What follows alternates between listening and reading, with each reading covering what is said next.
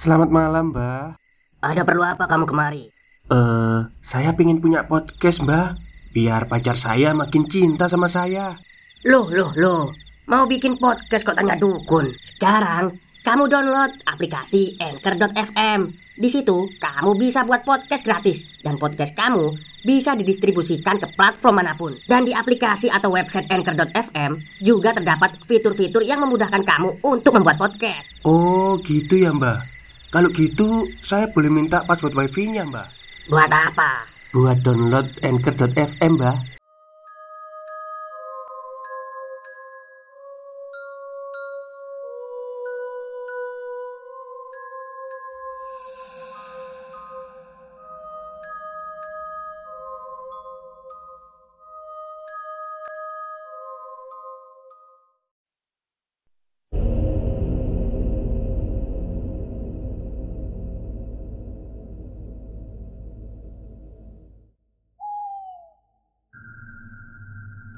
Assalamualaikum warahmatullahi wabarakatuh. Halo semuanya Jumpa lagi dengan saya Chow Sing Sing Kurator dari podcast Horror Night Story.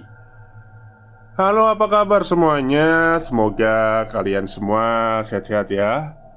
Dan seperti biasanya pada siang hari ini saya kembali Dan akan menceritakan sebuah kisah mistis untuk kalian semua Kisah mistis kali ini saya datangkan dari Twitter Dari tweet Twitternya akun TXT namanya. Dan di sini beliau menceritakan tentang rumah horor yang ada di kota bumi. Seperti apa kisahnya? Mari kita simak. Cerita ini beneran terjadi pas gue masih SMP Entah kelas 1 atau kelas 2 Gue udah lupa banget. Yang jelas Gue masih berseragam putih biru waktu itu. Sebelumnya Gue mau tugasin Kalau gue nggak punya kemampuan mata batin atau six sense Seperti apa yang dikatakan orang-orang. Ini pengalaman pure pribadi Yang nggak bisa gue lupain. Jadi waktu itu Gue masih ingat betul jamnya Jam 10 Gue lagi berkunjung ke rumah saudara gue di daerah kota bumi Pondok Sejahtera. Hari itu kebetulan banget hari bahagianya saudara gue Yang sedang merayakan ulang tahun. Suasana waktu itu normal banget Gak ada hal-hal yang aneh. Dan Sedikit pun gua nggak menaruh rasa curiga Dengan hal-hal berbau mistis di rumah saudara gue itu Acaranya seru, asik, dan semuanya terlihat menikmati acara itu. Tapi, gua milih buat misahin diri dari keramaian. Entah kenapa gua ngerasa nggak nyaman di keramaian. Lebih nyaman di tempat yang tenang gitu. Ya udahlah. Akhirnya gue naik ke lantai atas buat minjem laptop kakak sepupu gue. Oh ya, kalau kalian tanya-tanya rumahnya di mana, gue kasih clue-nya deh. Posisinya di Jalan Cendrawasi. Pondak Sejahtera dan rumahnya tingkat dua. Pokoknya ada di ujung deket pertigaan. Nah, kita lanjut. Sesampainya di lantai dua, gue bergegas untuk mengambil laptop kakak sepupu gue buat nonton film. Tentunya dengan sepengetahuan dia karena nggak enak dong kalau pakai tanpa izin. Akhirnya gue mainin film Harry Potter. Tapi gue lupa seri yang mana. Intinya seingat gue Film pertama itu Harry Potter. Waktu berjalan dan gue menikmati betul film itu. Saking serunya gue menonton film Gue kepikiran buat bikin suasana lantai dua rumah jadi seperti bioskop BTW, gue ini memang orangnya ngidean. Ya udahlah, akhirnya gue nonton film di sofa dan gue matiin lampunya biar lebih seru nontonnya. Saking serunya gue larut dalam alunan cerita yang disuguhkan oleh film Harry Potter. Nah, keanehan terjadi pas gue mau ganti film. Pas gue nengok ke belakang ke arah tembok pembatas antara kamar dan kamar gue ngelihat ada sesosok wanita. Posturnya tinggi, setinggi gue lah. Ya nggak hafal juga Gue dulu tingginya seperti apa Seingat gue, dia tingginya sama segue Tapi dia menundukkan kepalanya Setelah itu gue cuma bisa cuek dan gue mikir itu adalah kakak sepupu gue.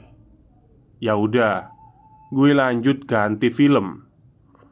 Ketika gue mau ganti film Gue ajak ngobrol dia. Pikir gue waktu itu dia mau ikutan nonton juga. Ya akhirnya gue ngeluarin pertanyaan Teh, ganti ya filmnya? Lu ada film lain gak? Setelah melempar pertanyaan itu Dia nggak noleh ataupun berusaha buat ngangkat kepalanya. Ya udahlah, gue coba buat ngelempar pertanyaan itu lagi. Sampai gue tarik tangan dia Dan gue manggil dia dengan nada ngegas. Teh. Lalu tiba-tiba ada suara dari bawah. Ada apa Ki? Sahut kakak sepupu gua yang ternyata lagi bakar-bakaran Sama teman RT-nya di bawah Tepat di bawah garasi. Wah bisa kedengeran ya? Nah Dengar suara dari kakak sepupu gue dari bawah Gue langsung lari ke bawah. Ternyata benar Ketika gue di bawah, kakak sepupu gue sedang main bakar-bakaran sama teman RT-nya. Bukannya gue takut, justru gue kembali ke atas untuk memastikan siapa wanita yang berada di belakang gue selama gue nonton tadi. Akhirnya, gue bergegas balik lagi ke lantai dua. Sesampainya gue di lantai atas, gue langsung menyalakan lampu. Sosok wanita itu hilang entah ke mana. Gue pun sempat bingung dan kaget karena gue nggak tahu wanita itu siapa. Sampai akhirnya gue sadar kalau wanita itu adalah kuntilanak. Setelah gue sadar kalau tadi gue telah berinteraksi dengan kuntilanak, gue berusaha untuk mikir positif tentang kejadian itu. Terus gue turun ke bawah dan menceritakan hal ini ke orang-orang. Ternyata mereka malah gak percaya dengan cerita gue. Oke lah, no problem Karena orang tua nggak percaya dengan cerita gue Akhirnya gue menutup cerita ini Untuk beberapa hari ke depan Stop, stop. Kita break sebentar. Jadi gimana? Kalian pengen punya podcast seperti saya? Jangan pakai dukun. Pakai Anchor. Download sekarang juga. Gratis. Beberapa hari kemudian gue menceritakan hal ini ke kakak sepupu gue. Setelah menceritakan kejadian kemarin Kakak sepupu gue mengiyakan keberadaan makhluk astral tersebut Dan memang betul Di rumahnya ada penghuninya Dan dia suka resek Sama orang baru di rumah itu Kejadian ini jadi pengalaman tersendiri buat gue Karena gue pernah berinteraksi sama kuntilanak dan juga rumah saudara gue yang benar-benar horor. Intinya gue nggak mau lagi matiin lampu dan sendirian di lantai dua rumah saudara gue setelah kejadian itu. Setidaknya itu aja yang bisa gue ceritain tentang pengalaman horor gue. Kurang lebihnya mohon maaf. Mohon maaf bila ada salah kata dan kekurangan. Terima kasih. Sampai jumpa di malam Jumat berikutnya. Baik, itulah cerita pendek dari uh, eh, TXT ya Nama Twitternya Pendek sekali Tapi nggak apa-apa lah. Oke mungkin itu saja yang bisa saya ceritakan untuk siang hari ini. Kurang lebihnya saya mohon maaf. Wassalamualaikum warahmatullahi wabarakatuh